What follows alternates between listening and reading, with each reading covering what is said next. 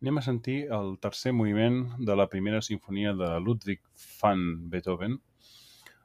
És una tria una mica peculiar, perquè si en la primera sinfonia hauria sigut interessant sentir el primer moviment. També hauríem pogut sentir el tercer moviment de la tercera.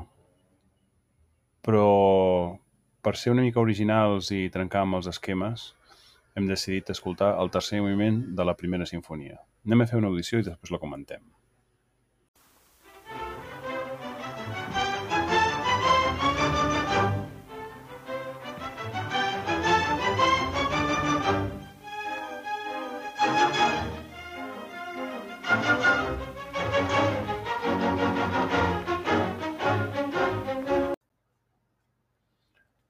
Com heu pogut sentir, és una música molt interessant, tan interessant com el fet de que el director que dirigeix aquesta versió que hem sentit es diu Bruno Walter.